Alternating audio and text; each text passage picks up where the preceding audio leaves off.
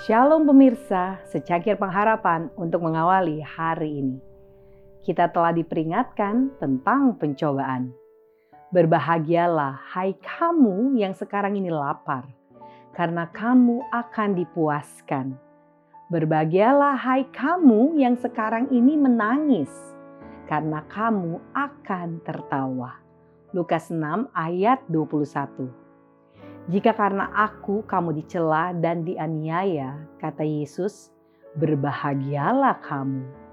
Dan dia tunjukkan kepada para pendengarnya, para nabi yang telah berbicara dalam nama Tuhan sebagai teladan penderitaan dan kesabaran. Habel, orang Kristen pertama dari anak-anak Adam, mati sahid. Henok berjalan dengan Allah dan dunia tidak mengenalnya.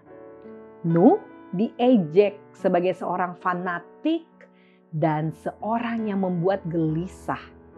Ada pula yang diejek dan didera, bahkan yang dibelenggu dan dipenjarakan. Orang-orang lain membiarkan dirinya disiksa dan tidak mau menerima pembebasan, supaya mereka beroleh kebangkitan yang lebih baik. Khotbah di atas bukit halaman 43. Ingatlah bahwa bumi ini bukanlah surga. Kristus telah menyatakan, dalam dunia kamu menderita penganiayaan, tetapi kuatkanlah hatimu. Aku telah mengalahkan dunia.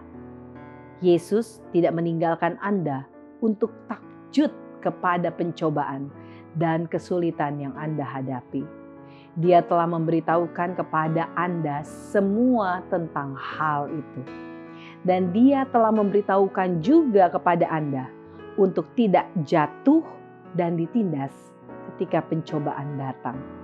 Pandanglah Yesus penebusmu dan bergembiralah serta bersuka citalah.